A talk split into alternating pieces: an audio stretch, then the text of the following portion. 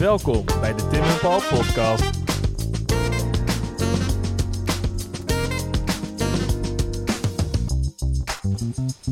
Paul, Ja. het is zaterdagochtend. Ja. We zitten hier in het zonnetje. Heerlijk. Ja, Ehm, het is bijna jammer om hier de serene stilte te verstoren. toch gaan we het doen. Toch gaan we het doen. Ja. Je hebt mij meegenomen naar Naar Ik- Oud-Zuid. Oud-Zuid, naar een pleintje. Ja. Ehm, ik ga nog niet verklappen wat het is, maar ik zou wel durven betogen dat dit een van de ja, toch wel mooiste pleintjes, rustigste, fijnste plekken is van Amsterdam. En we hebben ook niet zo heel veel mooie pleintjes in Amsterdam Nee. natuurlijk. Maar ehm, deze kant is rustig, aan de andere kant is een skatebaan.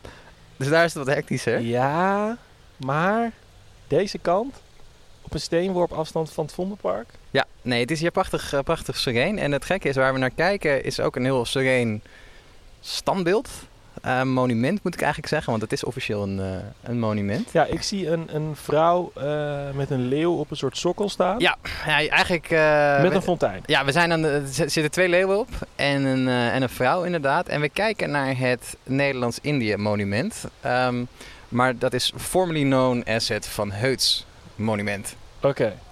En als je de naam Van Heuts hoort, dan gaan er als het goed is allerlei alarmbellen rinkelen. Want dat is een naam die vaker eh, voorkomt in de geschiedenis. En eigenlijk als je het hebt over de geschiedenis van, van Indonesië of de Nederlandse betrekking met Indonesië... zijn eigenlijk altijd twee namen die naar voren komen. Eén is Pieterszoon Koen Ja, die en hebben we al Die besproken. hebben we al besproken. En dan is er een aantal jaar later, een aantal eeuwen later, krijg je altijd Van Heuts. Dat Ja. zijn een soort van de twee grote boeven uit... Was eh, hij niet de slager van Atje of ja, zo? ja, nou, ja. ehm, dat is leuk als je dan teksten over Van Heuts leest, zeker uit die tijd. Dan is het eh, de houdegen van Heuts. En Ja. je weet, moet altijd oppassen als mensen houddegens worden genoemd. Want dat betekent eigenlijk gewoon dat je een beetje een psychopaatje bent. Ja. Ehm, maar inderdaad, hij was inderdaad eh, eh, druk bezig met, eh met Atje. En hij was druk bezig met het pacificeren van Atje. ja, en dat is natuurlijk ook een term Ook die... een term, als je die tegenkomt, dan Ja. ja. als je daar ergens, lieve luisteraars, als je ergens een boek leest en er staat houdegen of pacificeren, Of zuiveren. zuiveren, dan moet je even kijken wat er precies aan de hand is. Want dat is altijd natuurlijk redelijk eufemistisch opgezet. Ja, maar inderdaad, Van Heuts was bezig in, in Indonesië. Er was gedonder in, ehm, in Aceh. Of gedonder, er waren daar mensen die eigenlijk gewoon niet, niet zoveel zaten te wachten op Nederlandse inmenging. En Van Heuts moest daar een, eh, een eind aan maken. Wanneer is dit ongeveer? Dit is eind 19e eeuw. En wanneer leefde Van Heuts? Heb je die Eh, data hij is eh, overleden in 1924 Oké. en hij is halverwege de 19e eeuw is hij, is hij geboren. Ehm, en hij is eigenlijk de laatste ja, generaal tijdens de, tijdens de Aceh-oorlog. Ah. Eh, dus hij is eigenlijk degene die orde op zaken moet stellen. En ze proberen met verschillende tactieken dat te doen. Ik zal er niet te veel over uitweiden, maar eh, er is heel veel ehm, geweld bij gepaard, intimidatie. En eh, er zijn ook wel foto's van, een stuk laat 19e eeuw, dus Ja. dat kan ook. En, en dat zijn niet de beste beelden die je kan, kan krijgen. maar is dat dan zo'n zo'n klassiek guerrilla en, en, en vergeldingsding? Daar komt het wel een beetje, Ja. beetje, beetje op neer. Ehm anywho, eh, in 1903 is Atje officieel gepacificeerd. Oké. Dus eh, Van Heuts is geslaagd in zijn, eh, in zijn missie. Eh, de mensen van Atje hebben daar natuurlijk een iets andere mening over. Maar hier in Nederland wordt hij toch wel als held, eh, als held onthaald. En hij overlijdt in 1924. En wat doe je dan als grote helden overlijden? Dan zet je daar natuurlijk gewoon een monument voor neer. Ja. Ehm, dit monument is hier neergezet in 1935. Dus eh, een behoorlijk aantal jaar na zijn, eh, na zijn dood. En er was eigenlijk al meteen kritiek op. Op het standbeeld of op het monument. eh, van zijn zoon bijvoorbeeld. Oké. En zijn zoon die zei, ja, ja dit, doet mijn vader geen recht aan, want het is een heel vrouwelijk beeld. En we kijken ook letterlijk naar, naar een vrouw Op een sokkel. op ja. een sokkel. Eh, dat heeft eigenlijk, je ziet hier niet de persoon van Heuts bijvoorbeeld eh, in staan. Er stond wel een tekstbordje of een, er stond wel tekst ingebeiteld, maar dat is, is later weggehaald. Want, want even voor, voor de goede orde, het was het Van Heuts monument, toch? Het was het Van Heuts monument, ja. ja, echt gewoon voor, voor de man en zijn heldendaden. Eh, maar zijn zoon die vond, het, eh, ja, die vond het helemaal vervelend, want het was toch echt, echt te vrouwelijk.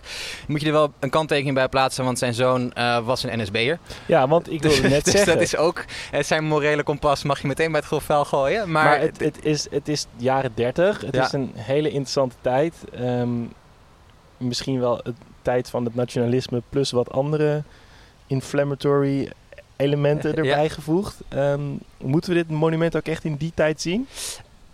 Ja, want het is wel in die tijd, ook in de, in de stijl zeg maar, die je, die je terugziet, is heel erg, nou ja, jaren 30 eh, stilo. Alleen een beetje die, dat gekke neoclassicisme. Ja, ook, precies. ja. Alleen de ontwerper en de, de maker van dit beeld is ehm, Frits van Hal.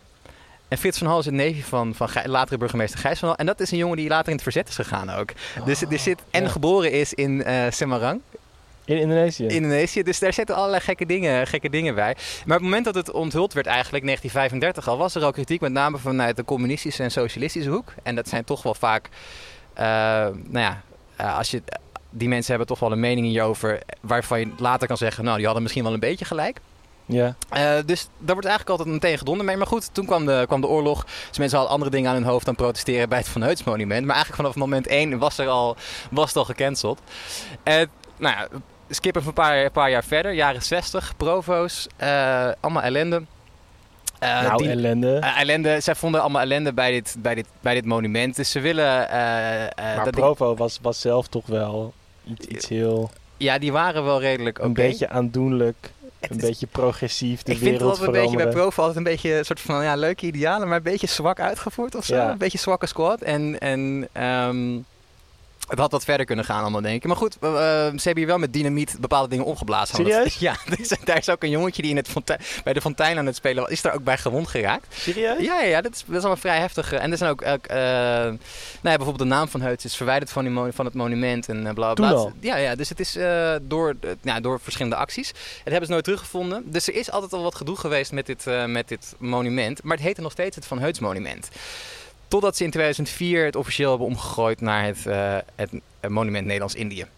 Maar wat, wat is het monument Nederlands-Indië? Waar... Dat, dat gaat over de handelsbetrekkingen of de betrekkingen tussen Nederland en Indonesië. Daar zie je natuurlijk helemaal nergens van terug op dit beeld. Nee. Want het gaat, ik bedoel, het is gewoon een, een vrouw met twee leeuwen op een sokkel en een fontein. Ehm, maar dat hebben ze er wel van gemaakt. Ze hebben gewoon de naam veranderd van het Van Heuts monument naar het Nederlands-Indië monument.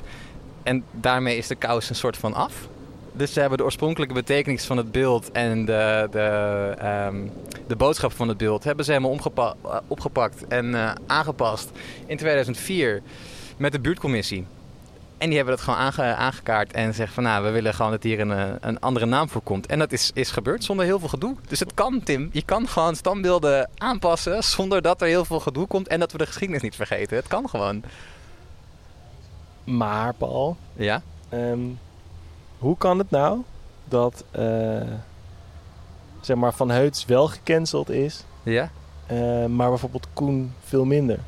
Omdat ik denk dat het ermee te maken heeft dat ehm, Koen een stuk langer geleden is. En dat mensen dan makkelijk kunnen zeggen: ja, maar dat moet je in context van de tijd zien. Ja, Eh, dat heeft er enigszins mee te maken. En dit standbeeld is min of meer gecanceld of aangepast al het moment dat het begonnen is. ja oké. En eh, ook voordat Twitter bestond. Dus eh, zonder dat je allemaal gekke tegenreacties gaat krijgen, Ja. weet je wel. Dus, dus als je nu eh, iets op internet plaatst over... nou, misschien moeten we eens even kritisch naar kijken... dan krijg je natuurlijk van alle kanten gezeik. En in 2004 was dat er... Bedoel, mensen hadden wel een mening... maar dan moest je echt naar de krant schrijven en zo, weet je wel. Ja, dus dat ja, is zoiets meer gedoe. Dus ik denk dat het dan wat, ehm, wat soepeler gaat. En ook gewoon als je namen verandert van dingen... ja, dan is het nou eenmaal zo. En dan leven, leren mensen er ook wel weer mee leven of zo. En nog iets, iets anders, hè? Ehm, van Heuts is dus mi- min of meer gecanceld. Ehm, maar op één plek lijkt hij nog niet helemaal gecanceld te zijn. Ergens in het oosten van het land. Ehm, nou, waar ik eigenlijk naartoe wil, is ehm, dat er nog steeds in het, binnen het Nederlandse leger een, een, een regiment is wat in, sinds 1950 vernoemd is naar eh, ja, Van Heuts. Ja, Het regiment, 1950. ja, het, het regiment Van Heuts. En die hebben ook zeg maar, eh, de tradities van het Koninklijk, Koninklijk Nederlands-Indisch leger, het KNIL, overgenomen. Dus, eh, De befaamde woensdagmiddag eh, lunch. Blauwe hap, Ja. inderdaad. Ehm, hoe, hoe kan dat, Paul? Heb jij daar een verklaring voor? jij bent van ons twee de expert op het eh, militaire gebied, dus ik, ik weet dat niet. Ja, maar anders zou ik het niet aan jou vragen. Ehm, hoe dat kan, ja, maar je, je hebt natuurlijk sowieso bij, ik, volgens mij, ik ga misschien hele rare uitspraken doen, maar dat zijn allemaal dingen die binnen Defensie natuurlijk redelijk conservatief is, denk ik. Er worden altijd eh, regimenten en schepen en dingen vernoemd naar mensen uit, eh, uit een grijs verleden. ja, we hebben ook nog steeds het fregat van Spijk. Precies. Daar hebben we het al, hebben Hebben het al eerder over gehad. Ehm, dus dat soort, dat soort dingen gebeuren natuurlijk. En je moet natuurlijk terugvallen op een soort... Oh, dit was iemand die, die ook bij het leger heeft gewerkt.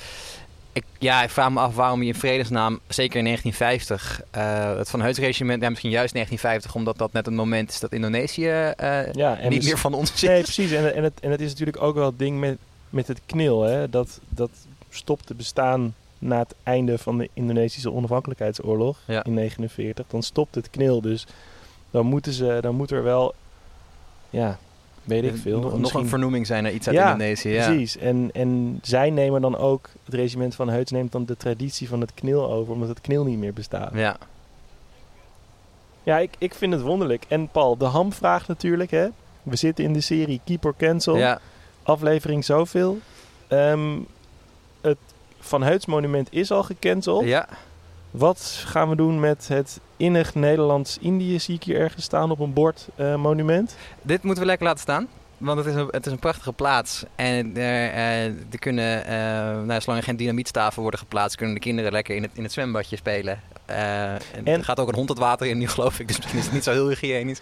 Maar eh, ik zou het lekker laten staan. Ik denk dat dit een van de voorbeelden is ehm, hoe je om kan gaan met veranderende tendensen in geschiedenis omdat je wegstapt van, oh, dit is allemaal zwart verleden. Of, en en eh, enge, enge mensen van vroeger die allemaal mensen hebben doodgemaakt. En die we nu aan het vereren zijn. Naar een, een meer completatief, ja, goh, wat hebben we eigenlijk in Indonesië gedaan? Dus ik zou deze lekker, lekker houden. Eh, maar wel in de vorm dat het nu is. Dus een monument Nederlands-Indië. En misschien wat QR-codes of tekstbordjes met wat, wat Nederlands-Indië was. Ja, zeg want, want het is vrij sober baksteen, maar er staan wel een aantal, eh, zijn een aantal beeld, beeldhouwwerken te zien. En ik ben ook wel benieuwd wat dat dan verder ja, betekent. Ja, daar. dat zijn verwijzingen naar, naar De eh, het glorieuze- oosten, het ja. glorieuze oosten natuurlijk. En Maar dat zou ook, ook wel interessant zijn om dat wat, wat meer te duiden. Want het is best een, grote, een groot ding, grote plek. Nee, er mag wat meer informatie bij. Maar goed, aan de andere kant hebben we ook wel gemerkt bij denk ik, andere publieke geschiedenis. ehm, Plekken. manifestaties. Dat ja, er kan wel een tekstbordje ophangen, maar niemand gaat het natuurlijk lezen. Dat want mensen ook moeten ook gewoon naar de supermarkt, weet je wel. Oké, Ehm, nou, wij ja. ook Paul. Ja, Ik dank je hartelijk voor deze graag bijdrage. gedaan. Eh, op naar de volgende. Yes.